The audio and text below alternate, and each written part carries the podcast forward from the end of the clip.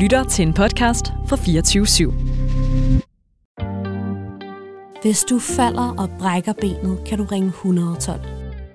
Så kommer der en ambulance og henter dig, og hurtigt er du hjemme igen og i bedring. Men der er ikke nogen alarmcentral at ringe til, hvis det er dit hjerte, der er knust. Derfor har jeg skrevet en bog med de allerbedste råd til at komme videre og lavet den her podcast. Så du ikke er alene. En slags kærlighedsambulance, hvor jeg hver uge inviterer en gæst ind, der har fået knust sit hjerte, men er kommet ud på den anden side og er klar til at fortælle, hvordan de gjorde. Mit navn er Maria Jensel. Du lytter til 112 for knuste hjerter. Velkommen til.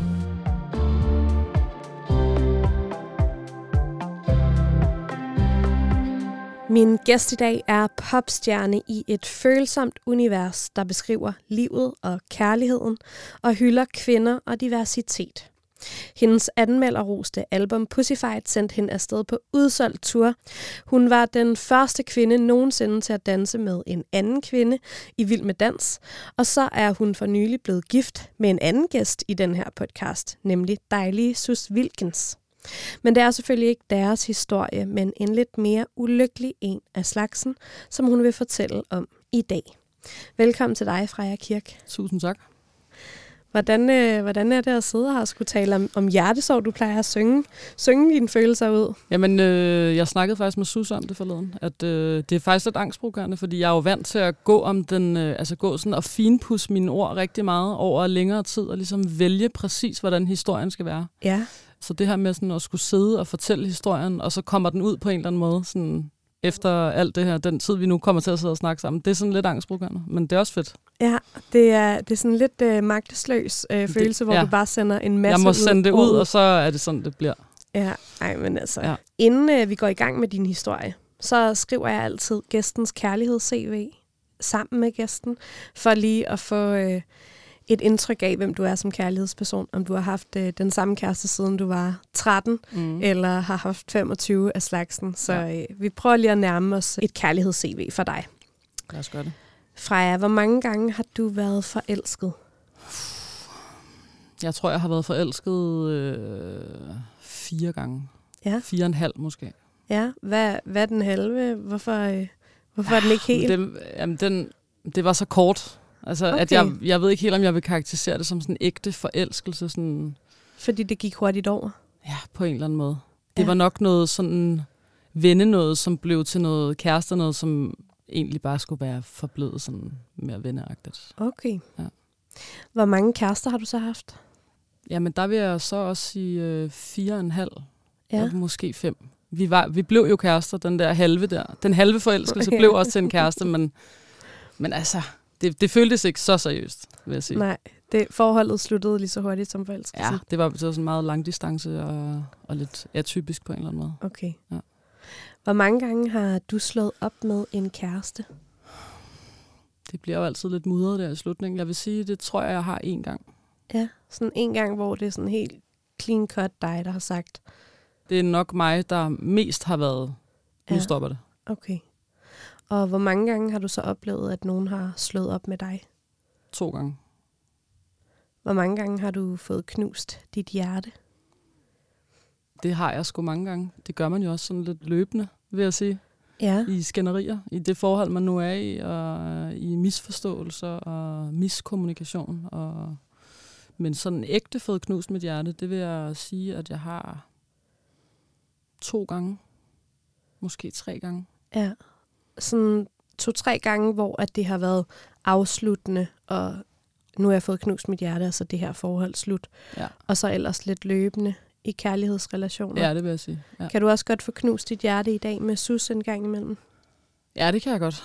Det kan jeg sgu godt. Ikke den der sådan alt omsluttende øh, sorg, hvor man slet ikke kan være i sig selv. Men jeg synes da, at mit hjerte bliver knust en gang imellem, når, når vi bliver uvenner. Altså, fordi det, det føles som om, at det, det, det er det vigtigste i hele verden lige der.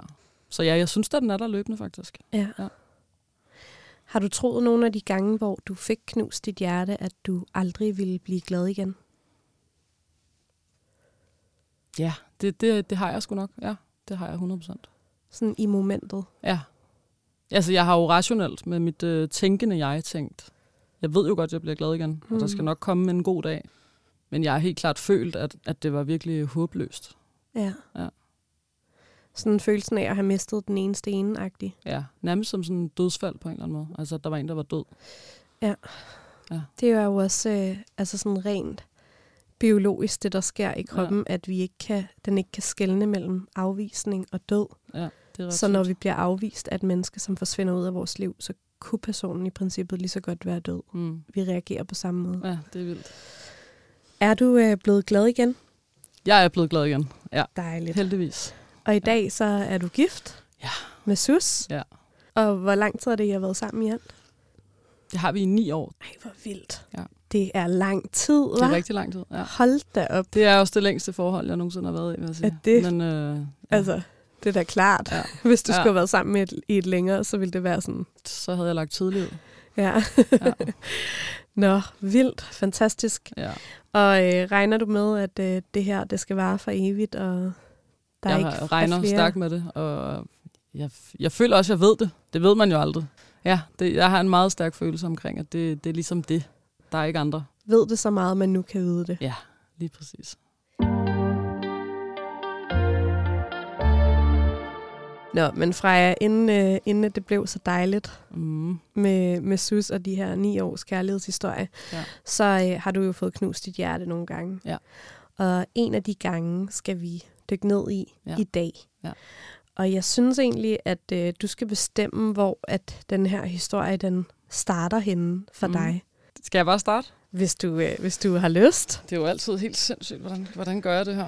Jeg er jo sådan en rigtig lytteperson. Jeg er jo ikke så vant til at tale om mig selv, faktisk. Vil du hellere have, at jeg bare fortæller en historie? ja, kan du gøre det?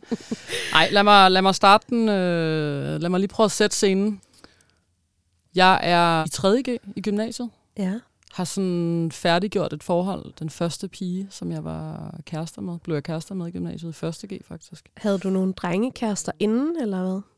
Det havde jeg, men det var meget useriøst, fordi jeg mistede meget hurtigt interessen. Jeg tror, jeg Okay. har været kærester med en dreng i to og en halv måned eller sådan noget. Okay. Han var mega sød, men altså, der var ligesom ikke de der sommerfugle i maven, som er sådan lidt nødvendige, for Nej. at man kan være sådan en rigtig kærester. Nej, Så, så, jeg du, gad ham ikke sådan rigtigt, så det var ikke så fair på en eller anden måde. så det var lidt sådan, du bildte dig selv ind, at du var forelsket i de der drenge, fordi det var dine veninder. Det var man jo bare. Jeg, jeg vidste jo ikke ja. bedre, tror Nej. jeg, før jeg ligesom blev præsenteret for muligheden. Okay. Så, øh, Øh. så du går i 3.G, og du har lige haft din første rigtige kæreste, kan man sige. Ja. som, øh, som var en pige. Ja, og det slutter sådan lidt dramatisk, som det jo nogle gange gør.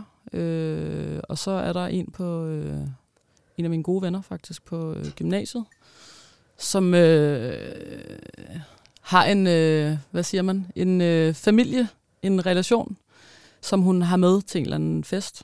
Øh, Ja. Og jeg ser hende her pigen, som er nogle år ældre. Høj, smuk pige, som er rigtig grineren, og ja, hun er bare lidt ældre, så det er også lidt spændende og sådan noget. Vi flytter lidt, og det er, det er lige tiden omkring turbinehallerne, kan du huske det? Der var, man var i byen inde ved Adelgade, der var sådan en øh, Ja. klub nede i sådan en kælder, Ja, det er rigtigt. hvor de begyndte at, de solgte sådan dåseøl for første gang til en 20'er, og det Ej, var, det var helt vildt, det var herrefedt. Nå, og vi var ude der en dag, og øh, på et tidspunkt så får hun sådan sned mig med ud på toilettet, og så kysser vi, og jeg falder jo bare pladask for hende her. Ja. Hun er fucking sjov og smuk og intelligent, og hun er ældre. Og det, jeg, hun er bare ældre end mig, så det blev bare sådan en... Det, jeg, blev, jeg var så fascineret af hende. Altså, det der med at Øhm. være ældre end dig, var det fascinerende, ja. fordi hun var klog, eller erfaren, eller havde haft mange flere pigekærester, eller hvad sådan... Jeg, jeg tror, det var det der med sådan erfaringen, og så Ja. ja. har jeg faktisk altid godt kunne lide sådan øh, piger, eller mennesker generelt, der, der lige har lidt år på banen. Jeg, jeg er ikke så vild med de der sådan helt... Øh, ja, nu lyder det meget negativt. Jeg synes også, øh, unge piger kan være meget smukke, men jeg synes, at der er, sker noget i øjnene, når man lige får lidt... Når man oplever nogle ting igennem livet. Og jeg kunne bare mærke, at hun havde ligesom sådan en ballast, som, som jeg synes var fascinerende. Ja. Ja, vi, vi klikkede, og det var, det var vidunderligt. Det, så datede vi vel lidt rundt, og, og så blev vi kærester. Jeg kan huske, at jeg var meget, meget forelsket i hende. Jeg kan huske, det var den der sådan altomsluttende, sådan at der, jeg kunne slet ikke overskue andet, end bare at være sammen med hende. Og det, der så også var i hele den her tid omkring, at jeg blev kærester med hende, det var, at min far var mega syg og døde faktisk, da jeg Puha. var lige ved at slutte i 3.G. Så på mange måder blev hun ligesom også den person, der var... Jeg vidste jo godt, hun ligesom var den sidste af mine kærester, der så ligesom kom til at møde ham. Så det kom også til ligesom at fylde ind i mig. Selvfølgelig. Sådan, Så, så det blev rigtig svært på en eller anden måde, fordi hun ligesom var det sidste, øh, sådan vidne. ja, vidne. Ja, meget godt ord. Ja.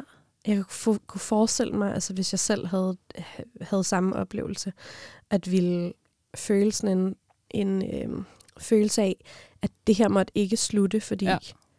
Hvis det sluttede, så ville... Så døde min, min far også på en eller anden måde. Ja, altså sådan, at, at han levede lidt videre Ja. i, at, at hun kendte ham også. 100 procent. Og vi kunne snakke om, snakke om, hvordan han var, og når hun havde mødt ham, og alle de her sådan, oplevelser, vi havde haft sammen, som vi havde... Ja. Det var jo ikke en lang periode, hun havde noget at kende ham, men hun havde trods alt noget at kende ham, og det betød bare mega meget. Så det var... Det kan jeg bare huske, var en, det var en stor del af det her med, at jeg ligesom følte mig endnu tættere knyttet til hende. Jeg har også lavet et afsnit af podcasten med Carl William, som mistede sin mor for et års tid siden. Ja. Og han blev også forelsket sådan lige inden hun døde, og de nåede også lige at blive connected. Og han sagde, at han havde fået videre til sin psykolog, at sorg og lykke kan ikke eksistere på samme tid. De kan eksistere sådan Ja, hver for sig parallelt. Så at han havde så meget brug for at gå og være forelsket ved siden af, fordi Mm. så kunne han parkere sorgen sådan Mm. Over ved sin mor og så være forelsket herover Det giver meget god mening i forhold for at få en pause fra, fra den ulykke. Var det også sådan lidt, som du havde det?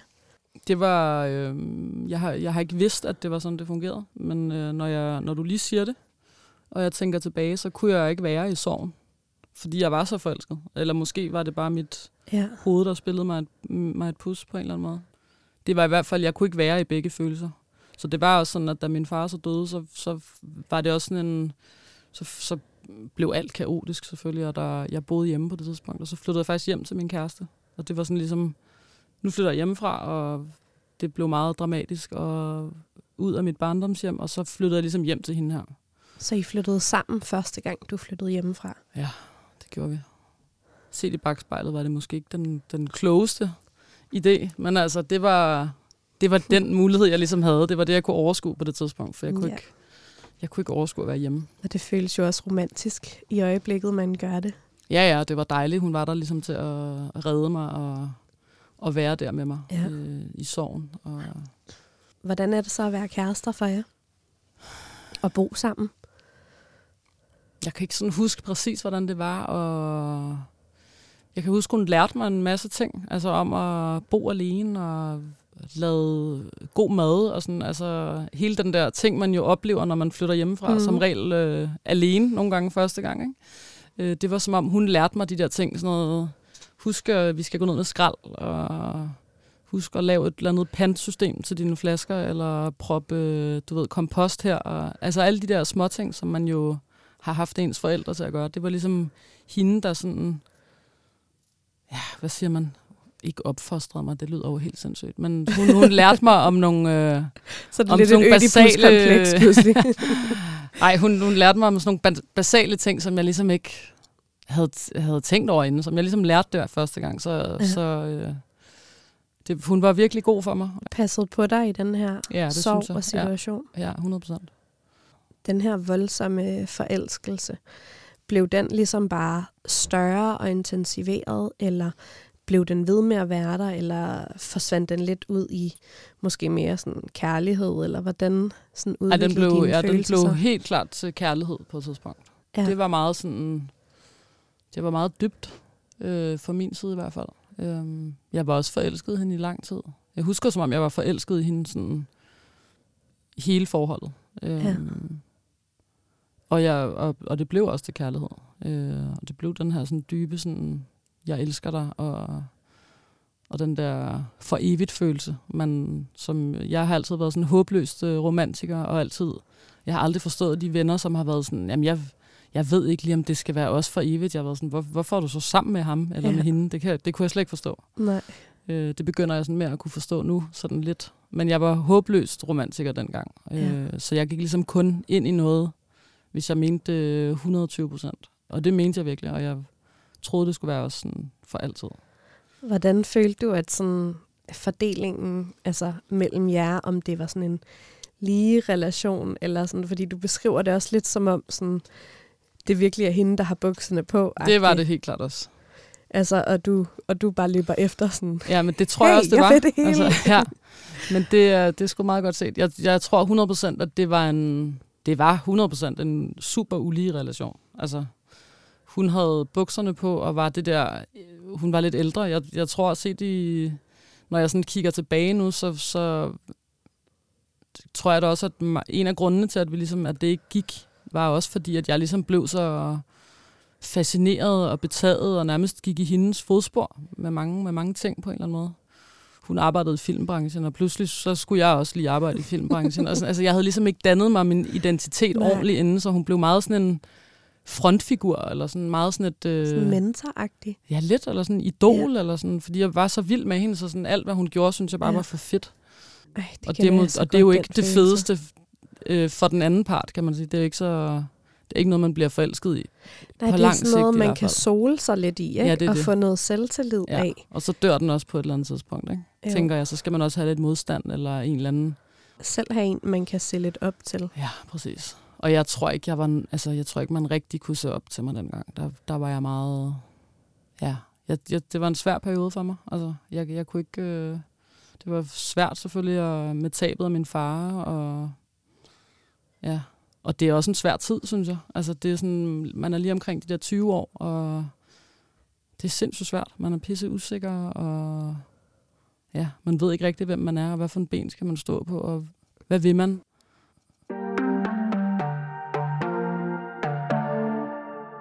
Hvor lang tid bor I så sammen og er kærester i, øh, i den her sådan, lidt fordeling, hvor at, at du vil det hele lidt, lidt mere, end hun vil?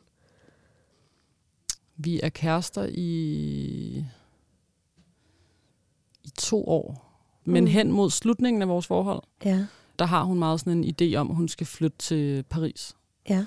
Og det er selvfølgelig mega hårdt. Og Altså sådan på grund af hendes karriere, eller en eller anden... jeg tror bare, hun altid ligesom havde haft en drøm om at flytte et andet sted hen og prøve at bygge et liv og få et arbejde og måske lære et andet sprog. Og Hvorfor bare- vil du ikke med til Paris? jeg tror, det var noget, hun ligesom skulle gøre alene. Og jeg, jeg, jeg, jeg havde ikke en drøm om at komme til Paris og bo. Jeg var ligesom et andet sted i mit liv. Jeg var lige sådan begyndt at arbejde lidt i filmbranchen, og synes, det var mega sjovt at bare arbejde og sådan noget. Jeg har ligesom gået i skole hele mit liv, så nu var jeg endelig... Ja. Nu skulle jeg bare ud og tjene nogle penge og have det, have det sjovt med det. Så, så hun tog ligesom afsted alene, og det var mega hårdt. Øh, jeg kan huske, at jeg savnede hende vildt meget. Kan du huske, da hun tog afsted, om du følte, at det var sådan lidt et slags breakup, eller en sådan et signal om, at, at jeres kærlighed ikke var så vigtig endda, når hun tog afsted, eller var det mere bare sådan, jeg vil sætte dig fri, og kærligheden er stor, og selvfølgelig den går på tværs af landegrænser, og vi skal bare besøge hinanden, og alt er godt. Jeg tror, jeg, jeg, jeg husker som om, hun var rigtig god til sådan at overbevise mig om, at det ligesom ikke var et, det var ikke en flugt eller en måde ligesom at komme væk fra mig. Det var bare noget, hun havde brug for. Og det er klart, når man, altså i den alder, der er det jo sværere at forstå. Det er meget nemmere for mig nu at, at give plads og være rummelig og sådan noget. Men dengang var det sådan lidt svært for mig at forstå, hvorfor hun ville til Paris, når jeg jo var hjemme. Hvorfor vil du det? Hvorfor vil du ikke bare være sammen med mig? Og men hun tog så afsted, og, og det var også fint, og så havde vi ligesom sådan et forhold, hvor at, så fandt hun et arbejde der, og, var der, og så kom jeg og besøgte, og det var også enormt fascinerende.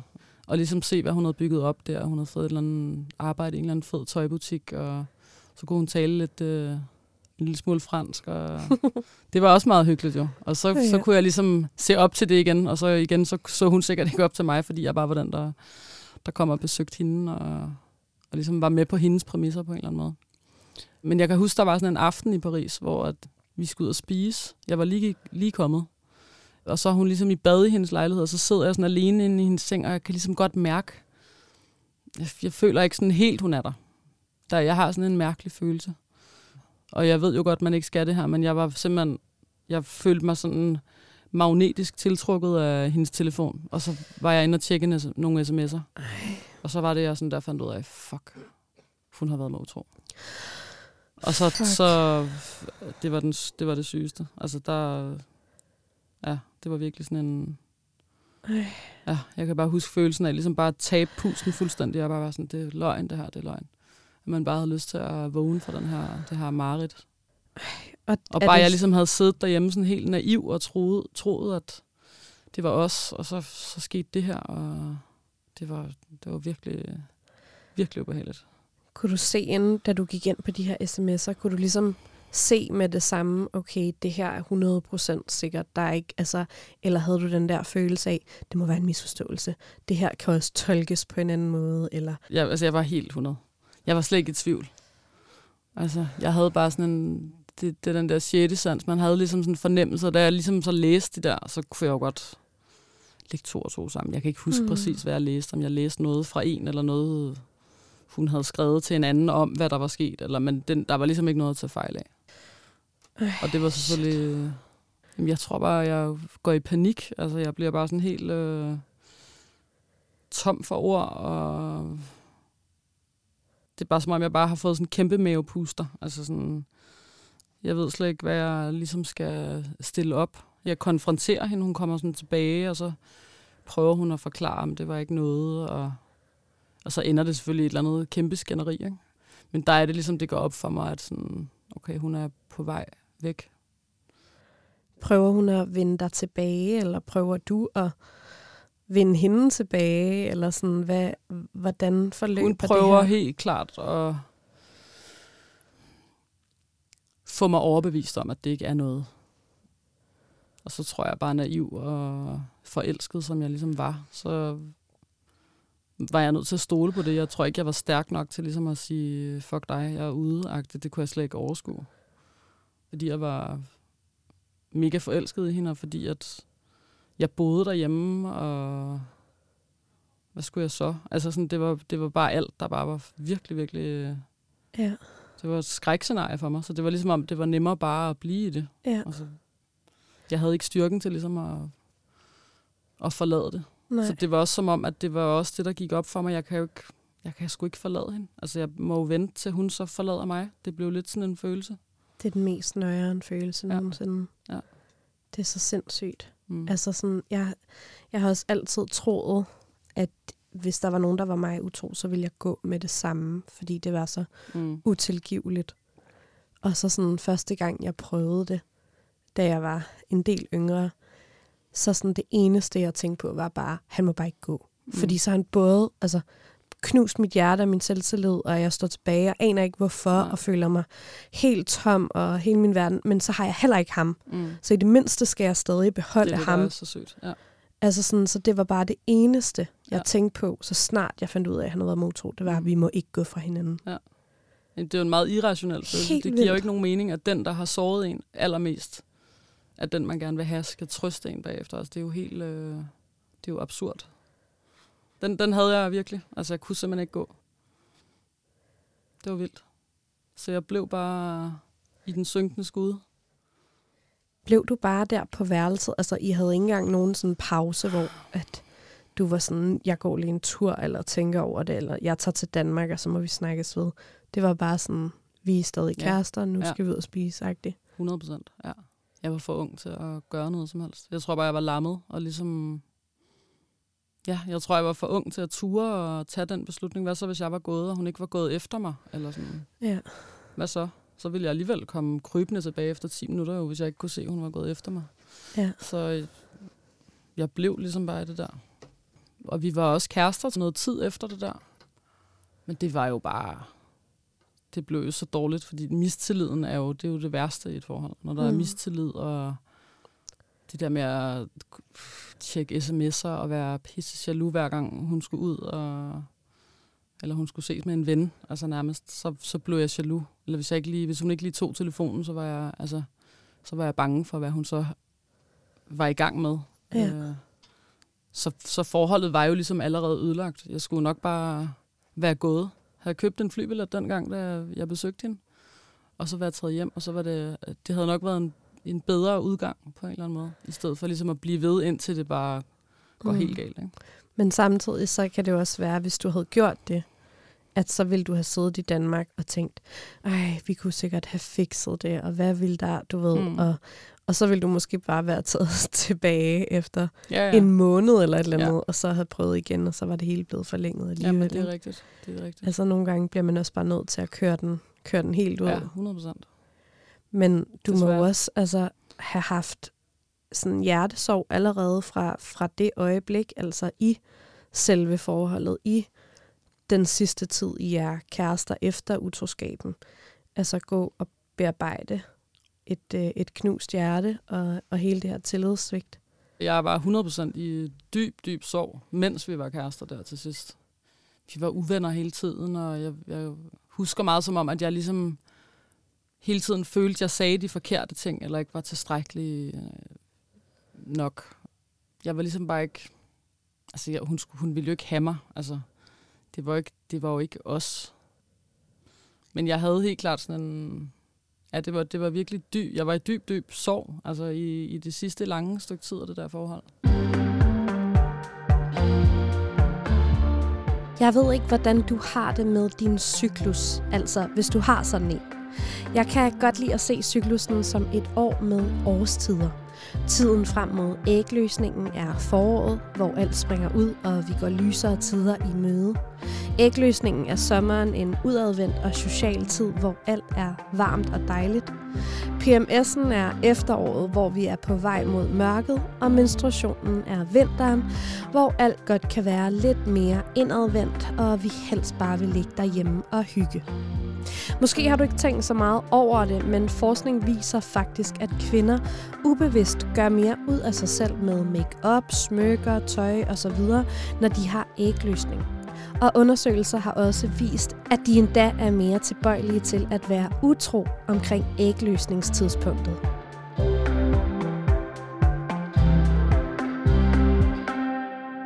Jeg kan huske, der er sådan en dag, hvor min, øh, min storebror og min, øh, min storesøster, vi, de øh, er sådan, skal vi lige mødes?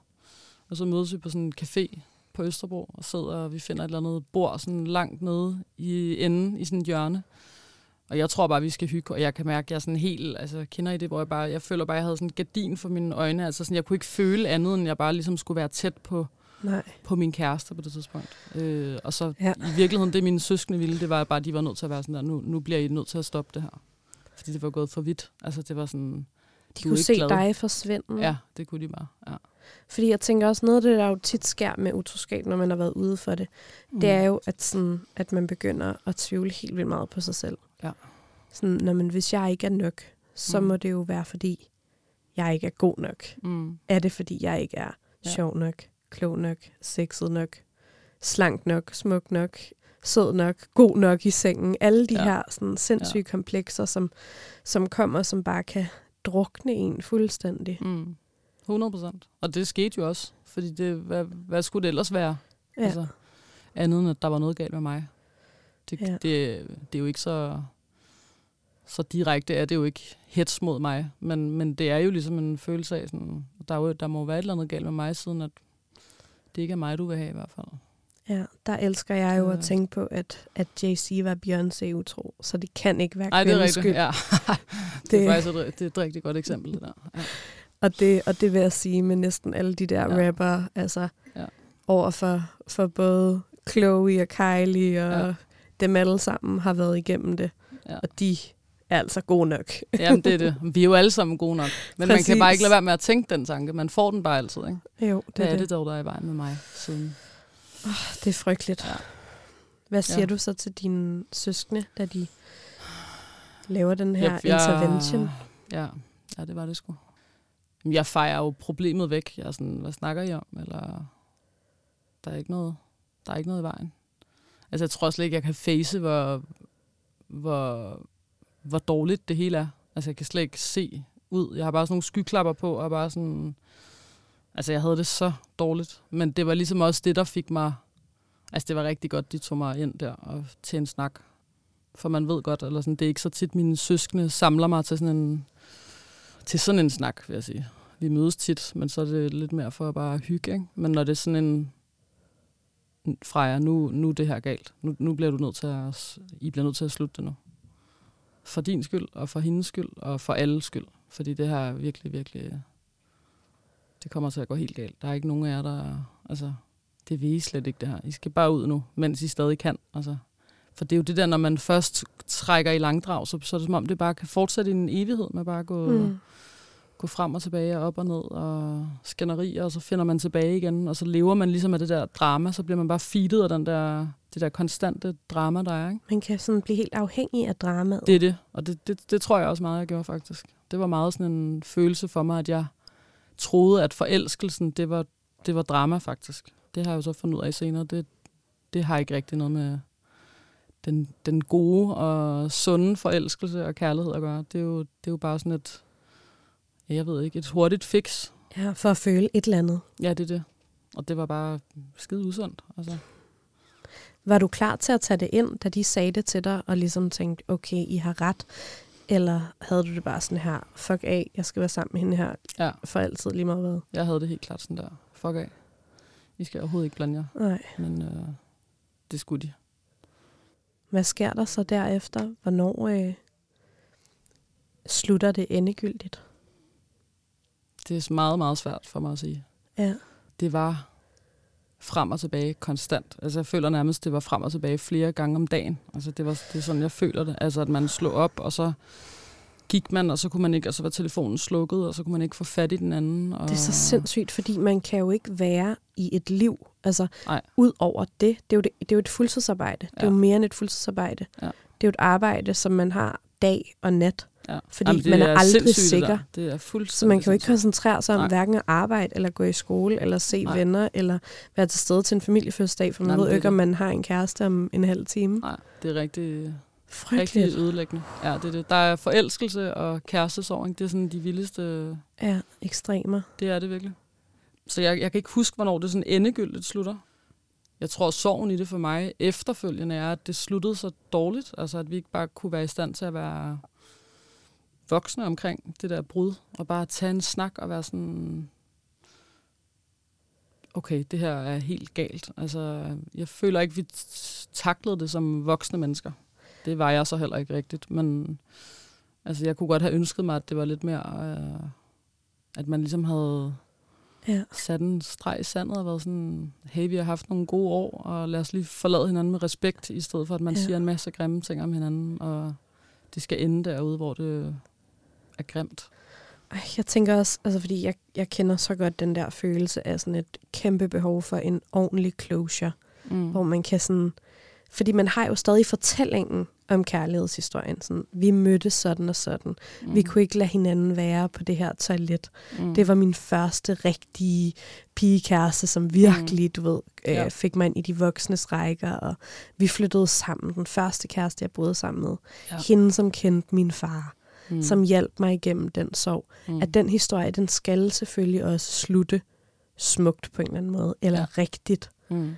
Og det er bare så sådan, det er så svært at give slip på den der besættelse af, men det gør det bare ikke. Mm.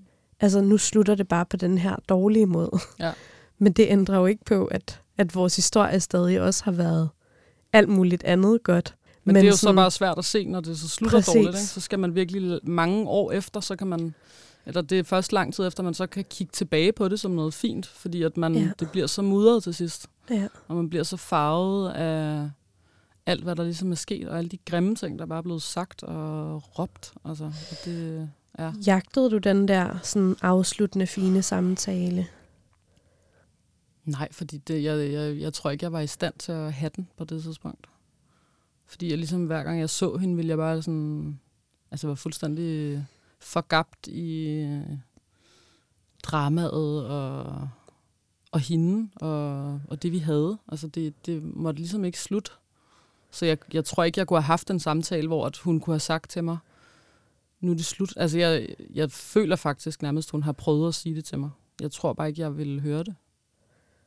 Nej. Så jeg tror ligesom, jeg øh, lukkede af for det, jeg ikke ville høre, og så en hver lille åbning, der var, der prøvede jeg ligesom at hive hende ind til mig igen. -agtigt.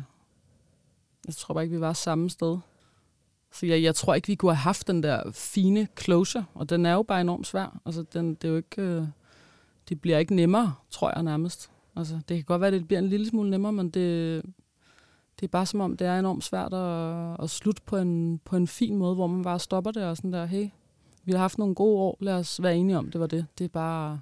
Det er sådan en utopi til det, Ja, ikke? det er det lidt. Fordi det er Ja. sådan en samtale, du formentlig ville kunne have med hende i dag. Ja, det er det. altså, der Ja. ville du kunne sige sådan, fuck, vi havde en vigtig tid sammen, ja. Og du var en vigtig allieret ja. I, i den sorg med min Mm. far, og ja. Lære mig at flytte hjemmefra, og alt det her. Og hvor var det fantastisk, mm. At vi havde den tid sammen, og hvor er det godt, at det sluttede også, fordi Mm. det skulle jo helt tydeligt ikke være os til sidst. Mm. Men det er jo bare sådan, det er jo ikke, det kan man jo ikke i, Nej. i kampens hede, når man Nej. stadig er forelsket, og, og, og i virkeligheden bare gerne vil være sammen. Det er det. Det er præcis det. Efter sidste brud, hvor hun ligesom slog op for sidste gang, og det endte med at være endeligt, blev du ved med at føle i din kærestesorgsproces, at det skulle have været jer, eller gid hun kommer tilbage. Jeg tror på, på det tidspunkt, der var, det, der var vi ligesom endt et sted, hvor der var, der var virkelig blevet sagt nogle grimme ting, og der var blevet smækket med dørene, og til sidst så tog jeg bare ud til min mor, og var bare sådan, jeg slukker min telefon, og hvis hun ringer hertil, så, så skal du sige, at jeg ikke er her. Altså, for jeg kunne ikke styre det selv. Jeg var simpelthen, jeg var sådan handlingslammet. Jeg, jeg Ja. kunne ikke, øh... Og når jeg så, hun ringede, så fik jeg ligesom lyst til at tage telefonen, så jeg var nødt til bare at Ja. tvinge nogen til ligesom at isolere mig fra det der, fordi jeg kunne ikke, det var, det var sådan sygeligt for mig. Altså, jeg kunne slet ikke håndtere det. Jeg prøvede på et tidspunkt at gå ned i sådan Elgiganten og, og spørge sådan, altså har du sådan det omvendte af en smartphone, en dum, rigtig dum lille telefon, som ikke kan noget som helst, ja. Som jeg kan købe med et SIM-kort, og så sender jeg det nummer ud til mine bedste veninder og min familie, sådan så jeg kan Genialt. ringe, sms'e, Ja. men ikke kan noget som helst andet, for ja. Alt andet har noget med det her menneske at gøre. Ja. Og, og så længe, at, den, at jeg er på den her telefon, så forbinder jeg det med på en eller anden måde at kunne komme i kontakt, eller tjekke, hvornår nogen har været online, eller se, mm. hvad de Mm. laver, eller i hvert fald, de kan ringe til mig, og en sms kan ændre hele min dag. Og sådan, mm. Mm. Fordi det er jo bare så... Altså sådan, det er som om, man føler sig så magtesløs med mm. at Mm. have den der telefon. Ja, men det er rigtigt. Men øh, du giver din øh, mor din telefon, og begynder at isolere dig Ja. derhjemme. Ja. Hvordan forløber så din hjertesovsproces herfra? Jeg kan huske, jeg var ude hos min mor i noget tid. Det var jo ligesom også, jeg, jeg flyttede jo tilbage dertil i noget tid. Den, det første stykke tid, der var jeg meget øh, bare der. Altså, jeg kunne ikke noget. Altså, det var ligesom sådan en... Græd du? Ja, helt vildt. Ja, jeg græd og kunne ikke spise noget, og jeg havde ikke lyst til noget som helst. Det var virkelig sådan depressionsagtigt. Det var virkelig, jeg var virkelig nede i kuldkælderen. Og så kom det jo lige så stille. Jeg ved ikke, om der er gået en måned eller halvanden, hvor man sådan begynder lige at sådan, åh, man lægger lige mærke til, at solen skinner, eller man kan godt overskue lige at gå ud og mødes til en kaffe med en eller anden, og så, så kommer livet jo igen, altså, og så er man stadig ked af det jo. Men så begynder man sådan at kunne overskue, eller sådan bare se lidt håb. Øhm, sådan husker jeg det i hvert fald, at, at håbet kom igen. Men jeg skulle bare lige over den der værste periode, som måske varede, ja, en måned i fosterstilling, og så er jeg måske også meget typen, der gerne vil ud og... Jeg kan heller ikke ligge i fosterstilling alt for længe, så vil jeg faktisk heller ud og kysse med nogle nye. Altså for lige at... Eller flirte med nogen, for lige at få tankerne på noget, hen på noget andet. Kunne du Og finde ud af finde- det der? Altså tage ud og flirte med nogle andre? Ikke til at starte med overhovedet. Altså der var som sagt lige den der periode, hvor jeg, hvor jeg bare lå ned, og bare var ked af det og græd, og lå i foster, og måtte få hjælp til alt nærmest. Men så da det begyndte sådan stille og roligt med et lille glas vin og en lille kaffe og sådan noget, men det starter jo stille og roligt op. Jeg ved ikke, om der måske er gået to måneder eller sådan noget. Så tror jeg, jeg begyndte at kunne tage ud. Men jeg, kunne ikke, jeg blev jo ikke oppe til klokken syv om morgenen, eller fem om morgenen. Det var jo, altså, når man blev for stiv, eller man havde kysset med en eller anden, så fik jeg jo nedtur på os. For det var jo ikke hende. Nej, det er Altså, det. det er jo det, der går op for en, ikke? At så, det er jo sjovt at flytte, og, men når, den så, når man så kommer derhen, hvor man lige skal kysse, eller man sådan, men det, det var ikke sådan, hun plejede at holde sin hånd på mit hoved, eller så går det jo op for en, og så bliver man jo skideked af det igen, og så må man tage hjem igen, og så kommer man sådan lidt op på hesten hver gang, og bliver lige slået tilbage. Og, Jeg synes virkelig, det der med at være sammen med andre, eller flirte, Ja. bare skrive sammen, Ja. øh, have sådan et eller andet kørende med nogen. mm, Mm. Det er sådan, det er virkelig sådan en hård, fin balance mellem at være rigtig, rigtig dejligt og, og, og helt forfærdeligt, hvis det Mm. mm. lige krydser en grænse. Ja. Hvis han, hun lige gør noget, som bare sådan, det kan jeg jo slet ikke lide. eller ja, sådan, det er rigtigt. Ja. Altså, og, men, men samtidig kan det også bare være sådan en dejlig bekræftelse at have nogen at skrive med, eller nogen, der lige siger, man ser sød ud, eller Ja. sådan, Præcis. bare sådan nogle små ting, som bare gør, at man ikke tænker, selvfølgelig vil hun ikke være sammen med mig, Mm. mm. fordi jeg er jo, det er der jo ingen, der vil. Præcis. Ja, men det er fuldstændig rigtigt. Men jeg kan også huske, at jeg var meget sådan protective, fordi jeg kan huske, at jeg kyssede med en pige på... Hvor fanden har det været? En eller anden øh, sommeren der. Lige, mm. lige efter. Det har ikke været særlig mange måneder efter. Hvor jeg ligesom har fortalt øh, om, hvad der er sket og sådan noget. Og så sagde hun, kom hun med en eller anden dum kommentar om, om min ekskæreste. Sådan et eller andet. Ej, hvor dram- drama, eller ej, hvor dramatisk, eller et eller andet. Så kan jeg bare huske, at jeg var sådan, hold din fucking kæft, det skal du bare ikke sige. Og så var jeg bare ude, altså jeg løb ja. Bare væk. Altså jeg, det ramte mig bare så hårdt. Og sådan, Ja. Der er ikke nogen, der skal tale dårligt om hende. Det er jeg slet ikke klar til. Nej. Det er fint, vi kan godt stå og kysse her og hygge og sådan noget, men du skal ikke blande dig i noget som helst, der har med min ekskæreste at gøre. Det var Nej. alligevel stadig sådan lidt, lidt for tæt på. Ja. Lavede du musik på det her tidspunkt? ja, fordi jeg begyndte at lave musik, da, øh, da min far døde. Jeg har altid lavet lidt musik, men det startede sådan for alvor, da min far døde. Hvor du skrev det- om ham, eller jer, eller de følelser, Ja, du havde i Jeg forbindelse skulle med bare det? ud med nogle toner og noget musik og nogle tekster. Og det tog jo også fart. Altså, da, da, det, da, da der så pludselig også kom et breakup oveni, Hmm. så var der jo endnu mere at skrive om. Ikke? Øh, Det er jo altid nemmere at skrive, når man kan føle ting. Jeg har Så altid ja, jeg nemlig tænkt, at, 100%. at det var sådan en gave i et breakup at være musiker, fordi man, Mm. altså jeg kender selv følelsen af bare at få alle følelser ud øh, ned på papir, altså bare ved Ja. at skrive dagbog eller noter, eller bare sådan skrive alt, hvad man nu tænker. Kunne du mærke, at det var en hjælp eller en styrke eller sådan terapeutisk for dig at, at skrive og synge på det tidspunkt? Det var helt klart en kæmpe øh, terapi.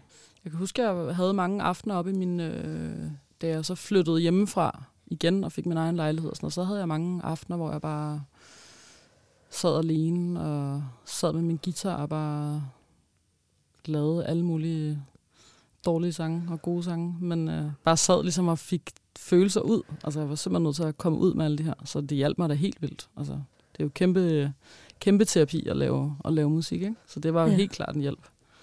Bruger du Øh. stadig musikken i dag til at, at komme ud med de følelser, som, som fylder i dit liv lige der, hvor du sidder? Det må jeg erkende, at jeg gør. Jeg skriver meget om mit, mit eget liv, og, og det, der ligesom foregår, så øh, det er total terapi, virkelig. Det er som at gå til psykolog, når man har været i studiet og skrevet en tekst. Det er jo ikke altid, man lige er i den der svære periode, men jo, hele mit, mit første album, det er meget sådan omkredser ligesom bare min fars død og kærestesorg, og det er også super super dark. Altså, det, det var virkelig... Jeg kan huske, at når jeg var ude at spille med det, øh, jeg var ude på turné der, for det, det er jo ved at være mange år siden. Men øh, det, jeg udgav det i, i 14. Og når jeg tog på de der turnéer, altså jeg var helt færdig bagefter. Jeg kunne, jeg kunne ingenting. Jeg kunne ikke engang drikke en øl. Altså jeg skulle bare ned og ligge, fordi det var simpelthen... Ja. Jeg græd, og publikum græd. Og, altså fordi det var så hjerteskærende. Altså Ja. der, var, der var ligesom ikke nogen sange, der ligesom Uh. kunne løfte op, for der var kun det der mørke, som jeg ligesom... Så, Du havde ikke lavet ligesom sådan en setliste, hvor I så slutter af på... På der var ligesom ikke rigtig nogen nej. gode. Altså, det, det, alt var bare Nå, herre. Man Lille kunne godt mærke, at jeg var ked af det der, ikke? ja. Har du øh, en hårdt. titel på en, på en hjertesorgssang fra, fra den tid, man kan gå ind og lytte til, hvis man har lyst? Ice Cold, den er sådan rimelig, øh, den er rimelig sindssyg. Det, det, det er den sidste, jeg tror, det er det sidste nummer på, på Monophobia-pladen. Og den er virkelig, øh, altså det er et langt, langt trist nummer. Eller Stop Hurting Me, den er også, øh, Oh, ja, ej, puha. ja. Men du har også øh, udgivet en sang, som hedder But I'm Okay, Ja, som, øh, som har en lidt mere opløftende... Den er helt klart lidt mere opløftende. Der er ligesom håb. Selvom at det virker håbløst, så Mm. står solen jo op, og, jeg har stadig min familie og mine venner, og, altså, så jeg er okay, og det er okay at være ked af det også. Det er lidt at se på det sådan med et lidt mere positivt syn, end i stedet for bare at dykke ned i den der håbløshed, som der nogle gange er. Ikke? Ja, så hvis Ja. man har lyst til at gå helt ind i melankolien, så kan man høre Ice Cold eller Stop Hurting Me. Og Ja, hvis man Og så skal gerne man vil helst have lidt videre. mere håb, så kan man slutte af med Ja, det vil jeg sige. I'm Slut okay. helst af med, but I'm okay. ja. Øh, det der med at føle noget så stærkt, er også bare ret vildt og ret smukt. Jeg kan også godt øh, altså sådan virkelig i dag værdsætte de hårdeste perioder Ja. i mit liv, fordi det er sådan, fuck, hvor fik det mig til at føle Ja. alt muligt mm. sindssygt. Ja. Og man kan jo netop også gå i perioder og være sådan, ja, yeah, jeg er sådan lidt apatisk. Mm. Og det er ikke særlig fedt. Ej, det er da så nedtur. Det er da det værste. Det er federe at være ked af det, end det er at være numb. Altså, Ja. den værste følelse. Ikke kunne føle noget, og kaffen smager ikke lige så godt om morgenen, og smøgen på altanen, hvis man ryger, er... Ah, jeg, man, kan lige, man kan ikke rigtig mærke det. Når man hører musik, så er det sådan lidt... Ens sanser er der ligesom ikke, men når man er ked af det, sådan, det ens sanseapparat mærker bare alt. Altså, ja. Det er det vildeste. Og det er som om, man sådan, en- altså, at man er så åben og modtagelig, Mm. altså fordi man bare føles lidt som et, et stort sorg, Ja. eller sådan et bløddyr, hvor alt Ja. bare kan komme ind, øh, uden nogen skal udenpå. Mm. At sådan, det er også der, man virkelig har mulighed for at udvikle sig, virkelig har mulighed for Ja. at være sådan, okay, nu sætter jeg mig ned og skriver, hvad drømmer jeg om? Hvad vil jeg allerhelst mm. i hele verden? Ja. Hvad skal min drømmepartner have af kvaliteter? Hvad er det i virkeligheden, jeg leder efter? Mm. Hvad er det for nogle fejl, jeg har begået Ja. øh, tidligere i forhold? Hvorfor går det altid galt? Øh, altså sådan virkelig se indad og lave den der sådan helt eksistentielle bearbejdning, som Ja. kan, kan skabe de, det bedste fundament 100%. og mulighed for... Men Det er jo så sejt. For Det er jo det det, alle burde gøre. Ja. Altså, det er jo det sejeste at gøre det der. Hvis man kan overskue det der, så... Nok ikke lige den er første måned eller Nej. to og sådan noget, men, men på et eller andet tidspunkt, når man lige kan få vejret igen, ikke? når man ikke ligger i første stilling mere, Mm.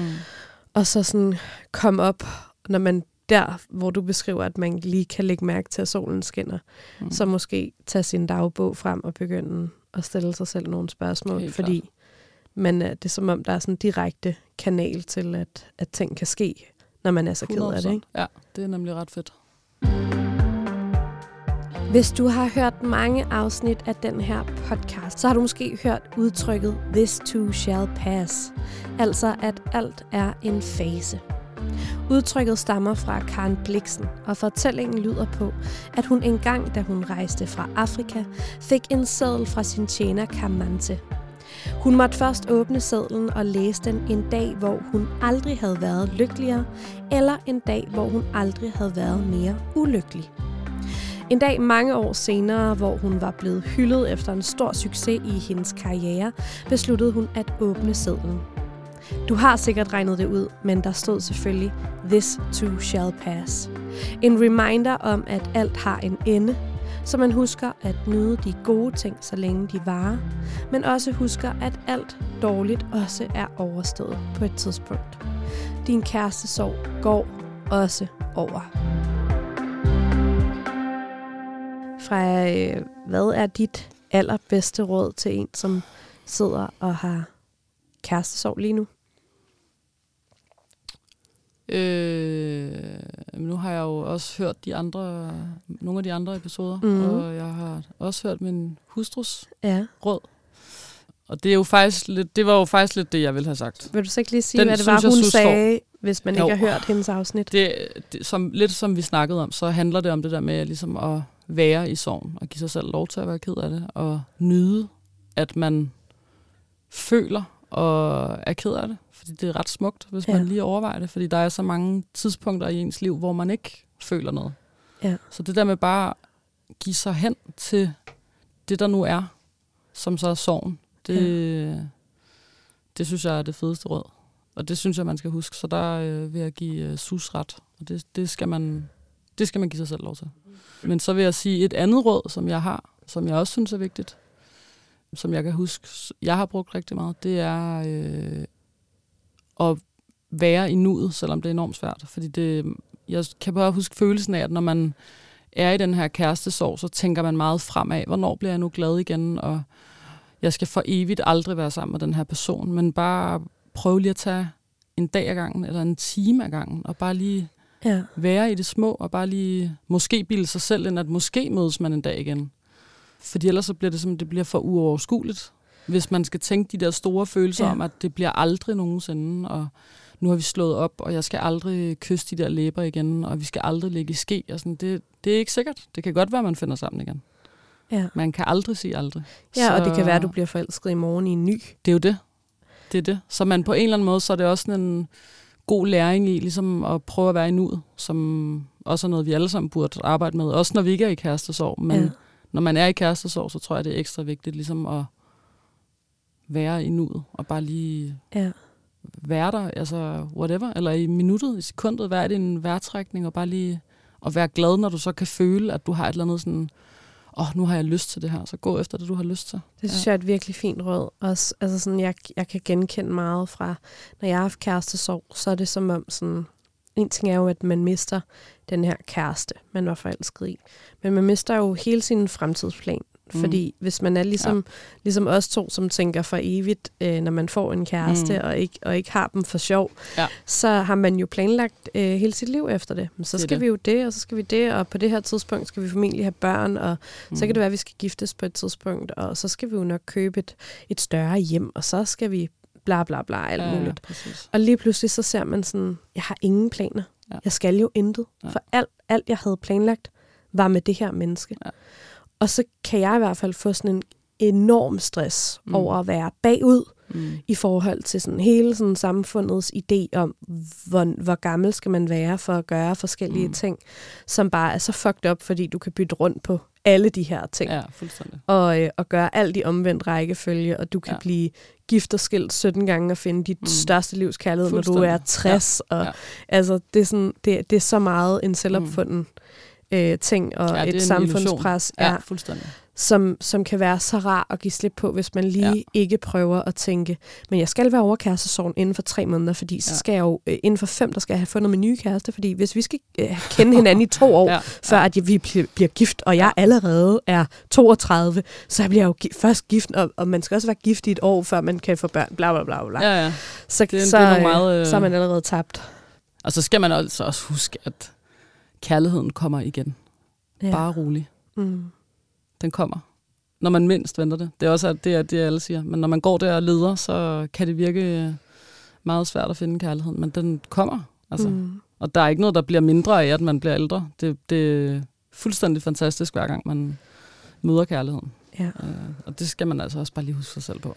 helt vildt. Det bliver godt igen. Jeg synes i hvert fald kun, jeg har oplevet, at, at kærligheden er blevet større, hver gang jeg har fundet en ny Ja. kæreste. Men det er også fordi, det er også, som du siger det der, hvis man så er god til at skrive ned, eller huske sig selv på, eller... Altså, man, det er ligesom, om man sådan snæver feltet ind, fordi man, Mm. man finder mere og mere noget, der egentlig passer til en. Man finder ud af, Ja. hvad gider man ikke, og hvad vil man egentlig gerne, og hvad er ens, hvor ligger ens værdier rigtigt, og Ja. hvad vil man gerne have i en kæreste. Så på den måde bliver den jo mere og mere rigtig. Eller også så finder man bare den eneste ene på et tidspunkt. Det er jo ikke, kommer an på, hvad man tror på. Men. Mm. Ja.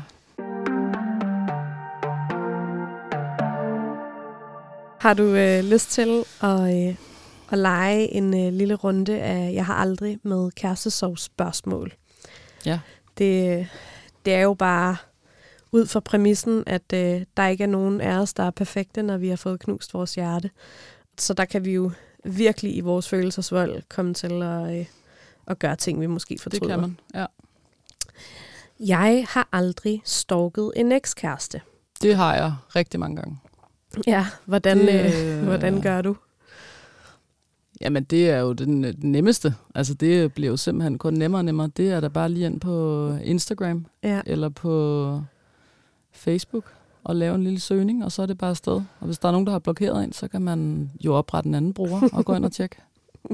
Så det er jo dejligt nemt. Ja, det har jeg 100% gjort. Er du sindssyg? Jeg synes, det er så sjovt. Der er så mange her, der sidder og fortæller, at de har falske profiler til at, at, at tjekke ekskærester ud. Ja, eller låner et eller andet brugernavn ja. fra en ven eller et eller andet. Det er jo... Øh, ja, good Der var en, der, classic. der var sådan, jeg har lavet en profil til min hund. Det er den, jeg bruger. Er det rigtigt? Ej, hvor fedt. Det skal jeg også. Jeg skal også have mig en hund, så jeg kan lave, gøre Ja. det. Ja. Ej, det, det, det har jeg 100%. Jeg har aldrig været sammen med en anden for at gøre min ekskæreste jaloux. Jo, det, det, det har jeg sgu gjort. Det har jeg sgu 100% gjort. Ja, sådan bevidst, hvor du tænkte, nu er jeg sammen med den her person, og så bliver min eks lidt ked af det. Ja, men jeg tror, jeg har gjort det i sådan en... Øh, jeg husker som om, jeg har gjort det i sådan en slutfase, eller sådan noget, hvor vi sådan har været ved at slå op. Og så har, den, har min ekskæreste gjort mig ked af det, og så har jeg skulle gøre gengæld. Sådan en så det er hævnfølelse. Ja, sådan, ja, helt klart. Som sådan en, nu giver jeg igen, og så står vi lige-agtigt. Problemet er bare, at man aldrig føler, man står lige. Nej. Så det er lidt sådan en slippery slope, der fortsætter på en eller anden måde. Ja, Så hvis det- man først begynder at hævne sig på hinanden, Ja, så er så det går det svært helt at, øh, om, at regne ud præcis, hvad Ja. for en handling, der var værst. Det er det. Om jeg måske lige skal sende Ja, en skal lille, lige- lille hævn Ja. oveni, for det er helt lige. Ja, Jamen, præcis. Ja, den er, den er farlig, den der. Jeg har aldrig taget et helt tilfældigt i gåsøjne sted hen for at møde min ekskæreste. Det tror jeg faktisk ikke, jeg har gjort. Jeg ved, at min, øh, min kæreste, Sus, har lavet den med mig. Nå. Nej, jeg har faktisk ikke selv lavet den. Øh, jeg ved ikke, Hvornår? hvorfor. Det ligger ligesom hun? ikke øh, Kan du ikke lige fortælle den anekdote? Jeg kan bare huske, at jeg sådan, inden vi blev kærester, så mødte jeg hende altid sådan nogle random steder, hvor jeg var sådan, "Hva- hvordan fanden, eller sådan, hvorfor er, hvorfor er du her? Hun Og så var hun have... sådan, hvorfor er du her? Og jeg var sådan, øh, fordi jeg arbejder her, eller fordi jeg, altså, det var så virkelig nogle underlige steder. Og så har hun så indrømmet senere, at jeg, jeg fandt jo ud af, hvor du var, og så kom jeg derhen. Sådan, så det var virkelig, Ej, hvor er hun det havde regnet sjovt. den ud. Hun har, hun har gjort det. Men det er, jo, det er jo også fordi, at så, så får hun jo dig til at tro, at der er noget skæbneagtigt over jer. Altså, Altså, Jamen, jeg havde også en skæbnesagtig følelse, så det var faktisk meget, øh, det var meget godt tænkt på en eller anden måde. Det var meget listet af hende. det var øh, sgu nuttet. Ja, jamen det er det jo. Jeg tror bare ikke, det ligger til mig at placere mig selv på den der måde. Det, øh, det kan jeg ikke finde ud af. Øh, desværre. Det er da ellers et godt trick. Ja. Jeg har aldrig lagt billeder på sociale medier, kun for at min ekskæreste skulle se dem. Det har jeg sgu heller ikke, nej. Jeg, jeg, jeg har det ikke på den måde, at jeg føler, at det skulle gøre en forskel, at jeg så skulle lægge et pænt billede ud, og så var der en eller anden, der skulle føle noget.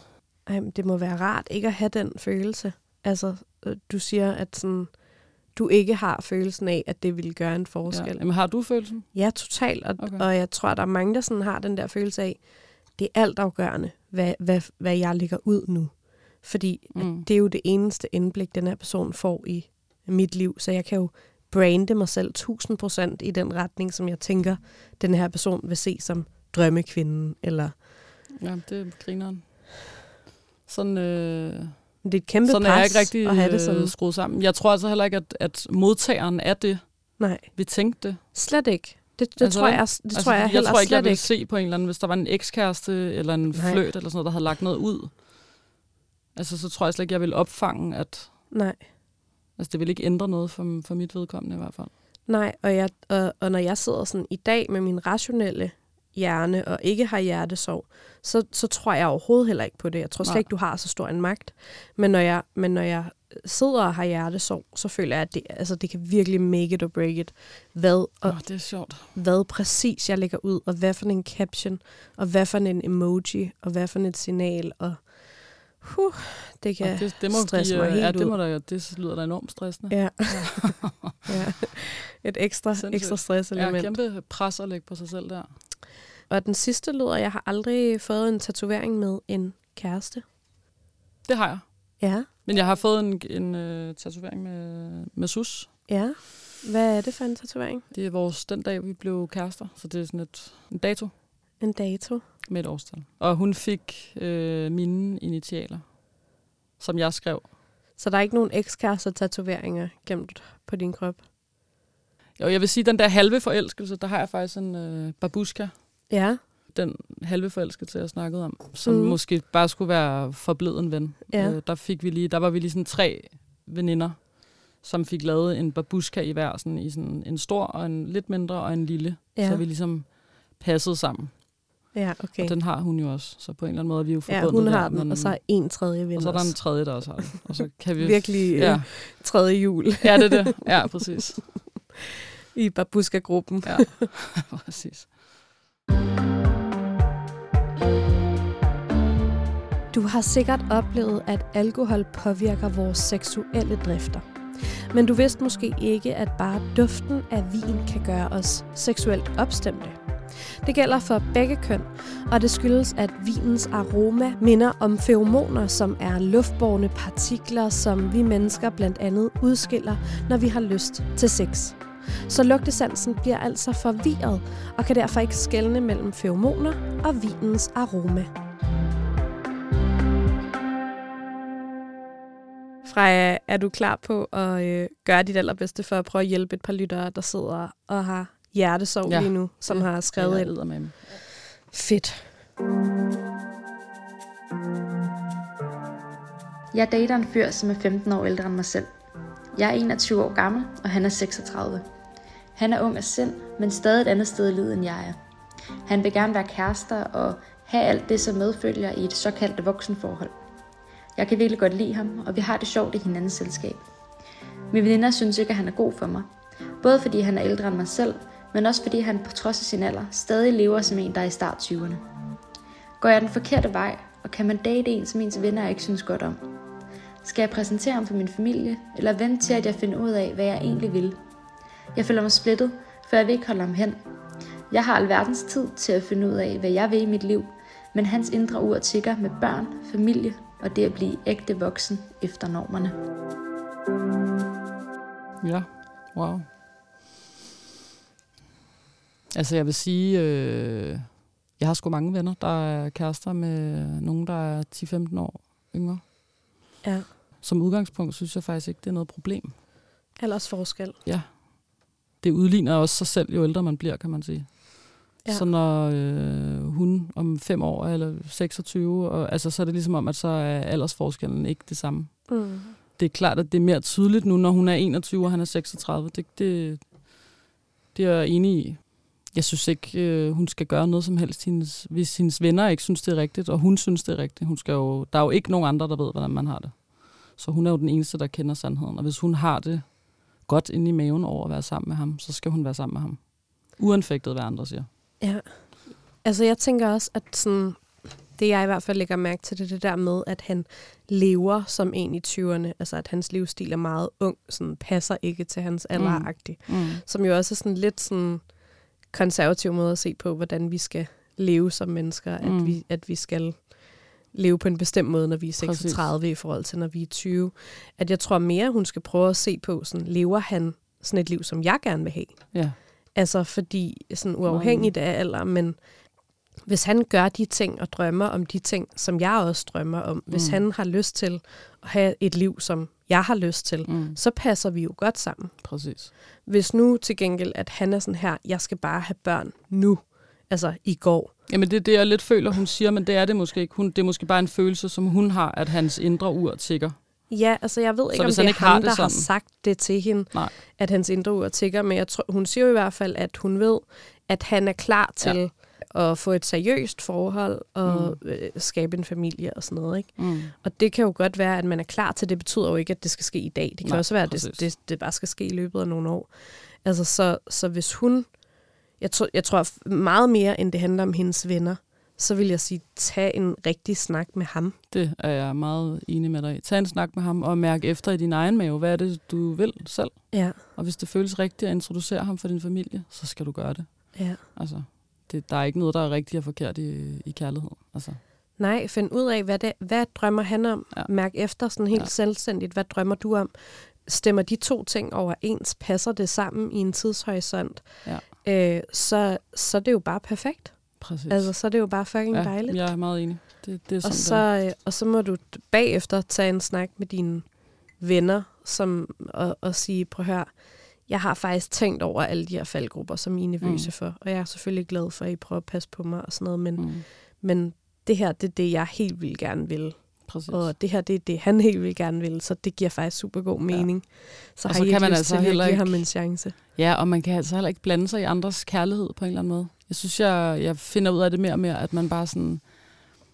Der er sgu nogle, øh, der er nogle mærkelige matches derude, og nogle folk, som bare sådan, gud, den havde jeg slet ikke set komme. Tænk, at Ja. ja. I blev forelsket. Var det skønt. Altså, man bliver nødt til bare at være forstående og accepterende i forhold til andres kærlighed. Man kan ikke styre, hvad andre vælger. Nej, Og man skal for alt i verden altid støtte, medmindre det er dårligt, altså for, den, for Ja, de er personer, det, der er med, ikke? Og, og der det tænker jeg også sådan, nej, altså det er jo ikke sådan, hun beskriver det i hvert fald, at det er Nej. dårligt. Nej. Altså hvis, hvis de her venner måske ser, at han lever et meget umodent liv, altså, og, og forstår det som, at han hele tiden skændes med hende, eller at han er barnlig eller egoistisk, eller mm. at Mm. han ikke sørger for, at hun har det godt, eller han, du ved, øh, er utro, eller gør, altså sådan nogle, sådan nogle barnlige ting. Mm. Så er det jo selvfølgelig problematisk, hvis det er noget, der gør hende ked af det. Ja. Men hvis barnligheden ligger i, at han øh, måske stadig leger en lejlighed og ikke har købt fast ejendom, Ja, eller at han er Ja. lidt i tvivl om, øh, hvor hans karriere skal hen, eller han Mm. ikke har fået børn endnu, eller han, du ved, øh, elsker at feste, eller et eller andet, altså så, så behøver det jo ikke nødvendigvis være nogen dårlige det, ting. det tror jeg heller ikke. Og så tror jeg også, det handler om, som du siger, at, at hun skal have en snak med sin kæreste selvfølgelig, men jeg tror også bare, det handler om det der med, at man er åben, altså at man, man, man tør Ja. godt at tage nogle snakke, også med sine venner, hvor det kan være svært, hvor at vennerne må godt sige imod, og man kan sidde og have en, en fin snak om, hvad er det, hvem er det, jeg er kærester med, jeg er rent faktisk glad, og så kan man gå lidt til hinanden på en kærlig Mm. måde. Altså, jeg tror, det er meget vigtigt at være, være åben og, og klar på ligesom at forklare, hvis der er nogen, der ikke lige kan forstå det, så må hun jo, så må hun jo lige forklare dem en ekstra gang, hvordan det egentlig hænger sammen.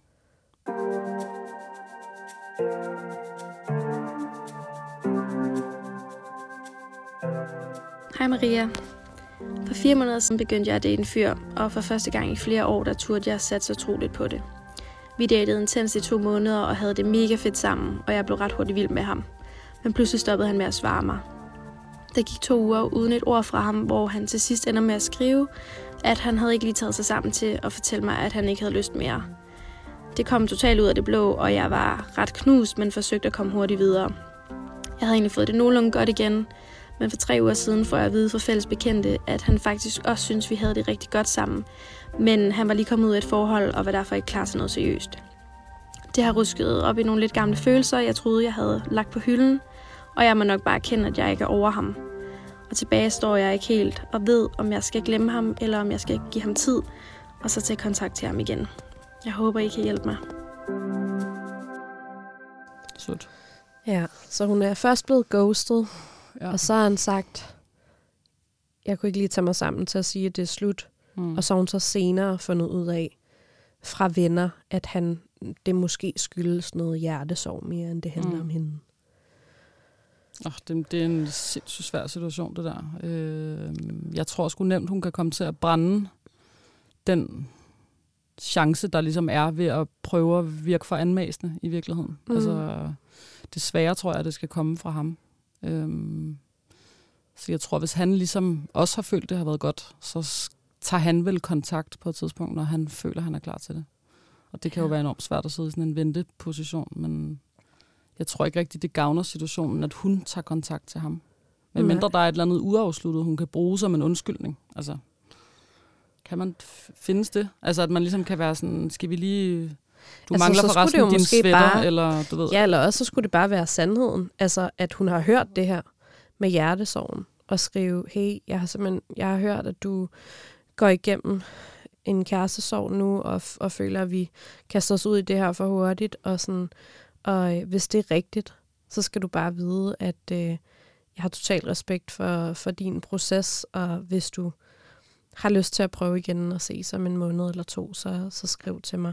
Ellers håber jeg bare, du Ja, altså måske ikke være pressende i den besked, man så skriver, men Ja. mere være sådan... bare lægge læg bolden over til ja, ham og, og så sige, ikke sådan noget spørgsmålstegn, og nej, skal vi ringes ved i morgen, men mere bare være sådan, jeg er klar på at drikke et glas, eller mødes til en kop kaffe, hvis du har lyst. Det, det synes jeg faktisk er meget sødt at gøre det sådan, ja, og meget elskeligt på en eller anden måde. ja. Øhm, Og så tror jeg også bare, det, altså sådan for mig vil det være ret øh, sådan skræmmende at bare regne med, at man kan stole på de der ting, man får at vide fra andre, som har hørt Mm. noget, som har hørt noget. Ja.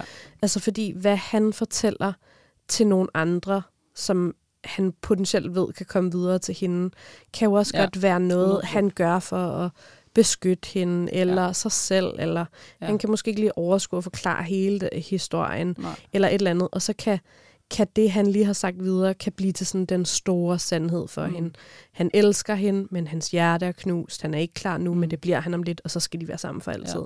Og der kan være så mange andre lag i det, ja. som slet ikke har noget med hende at gøre, og som, som altså, der kan være alt muligt, som hun ikke ved noget om. Mm. Så, sådan, så det der med i hvert fald at gå sådan blindt og regne med den her sandhed, og satse på det, og gøre det til sådan en smuk historie om, at mm at, at han er ikke i stand til det lige nu, men han kan måske om lidt. Det kan i hvert fald også bare være så farligt, fordi man så netop sætter sig selv i en venteposition, hvor men man det bare... føler jeg, det er det, jeg kan være lidt bange for, hun så sender den sms, ja. og faktisk allerede sådan begynder at gå ind i det med sit hjerte igen. Ja. Altså det, det var derfor, jeg sådan tænkte det første. Jeg synes også, det er en rigtig fin måde faktisk at skrive en mm. ærlig sms, hvis man har brug for det. Hvis man ikke kan lade være, så, så gør det for guds skyld. Men, men det kunne der er jo være, også noget han... i mig, der har lyst til, at hun skal vente. Ja. Hun bliver nødt til at afvente, fordi hvis det, hvis det ikke er sandt, eller hvis... Øh, mm. Altså, hvad end det nu er, så, så tror jeg også bare, der er noget... Øh, så tror jeg bare heller ikke, hun kan... Altså, jeg tror, hun skal passe på sine egne følelser i det. Mm. Fordi man kommer nemt til at investere eller give, og så sidder hun igen i en venteposition. Hvis hun skriver ja. en sms, så forventer hun et svar jo. Ja, fordi altså sådan, så kunne man jo håbe på, at han skrev også en sand besked tilbage. Mm. Så at han enten skrev, ja, det er rigtigt, jeg er simpelthen jeg har stadig nogle øh, uforløste følelser over for min ekskæreste. Jeg er slet ikke klar til noget lige nu. Mm. Det kan det være, at jeg bliver det på et tidspunkt. Det ved jeg ikke. Mm. Øh, så lad være med at vente på mig. Det kan også være, at han siger, nej, det har du misforstået. Jeg har ikke kærestesorg, men jeg kan bare ikke på grund af, du ved, whatever, noget mm. andet. Øh, altså, at, hun så får den afkræftet. Men, men jeg tror bare, bottom line er, at hun kan jo ikke regne med, at hun får sandheden og vide fra ham. Altså, mm. hvad der er den helt reelle grund. Om det er hjertesorg, om det er hans arbejde, om det er, fordi han ikke er forelsket, om hvad, hvad det nu øh, end er, så kan ja. hun jo ikke regne med, at, at hun kan stole på den besked, mm. hun får, eller den besked, ja. hun ikke får. Så, sådan, så lige meget hvad, altså sådan, det der ligesom er tilbage på bundlinjen, er, at han har sagt, at han ikke vil. Mm. Det har han x antal grunde til. Man kan gætte mm. øh, uendeligt på det, og det gør mm. man, når man har hjertesorg. Præcis. Men, men fakta er bare, at han har sagt, at han ikke vil. Og så synes jeg bare, det er så synd, hvis hun venter. Ja. Altså venter på et eller andet, som hun ikke aner noget om. Ja. Jeg synes, det er en... Øh, det er fedt. Altså, jeg synes, det er fedt uanset hvad, at bare åbne sit hjerte og være ærlig. Altså, fordi det kommer man bare rigtig langt med, i stedet for, at hun skal til at spille et eller andet spil og prøve at være kostbar eller mm. et eller andet. Jeg synes, det, der, der er to råd inde i mig. Det den ene er, at hun skal vente, og den anden er, at hun sender en sms. Men jeg synes også, det er en god ja. idé at bare skrive en ærlig sms i det mindste, hvor hun ikke forventer noget af ham, men bare lige ja. informere ham om, hvad hun har fået at vide, og at hun er klar på at mødes, hvis det er, han også er. Ja, altså sådan, eller måske, også, og måske ikke engang være sådan, jeg er klar på at mødes anytime, fordi så det er også som om, hun Ej, bare klar, siger, det, det er du ved, du kan, ja. Altså sådan, det er som om hun siger, du kan vende tilbage når som helst, og så sidder jeg bare her og venter på dig. Altså sådan, men måske bare sige, hey, jeg har hørt det her om, dit, om, om din hjertesorg.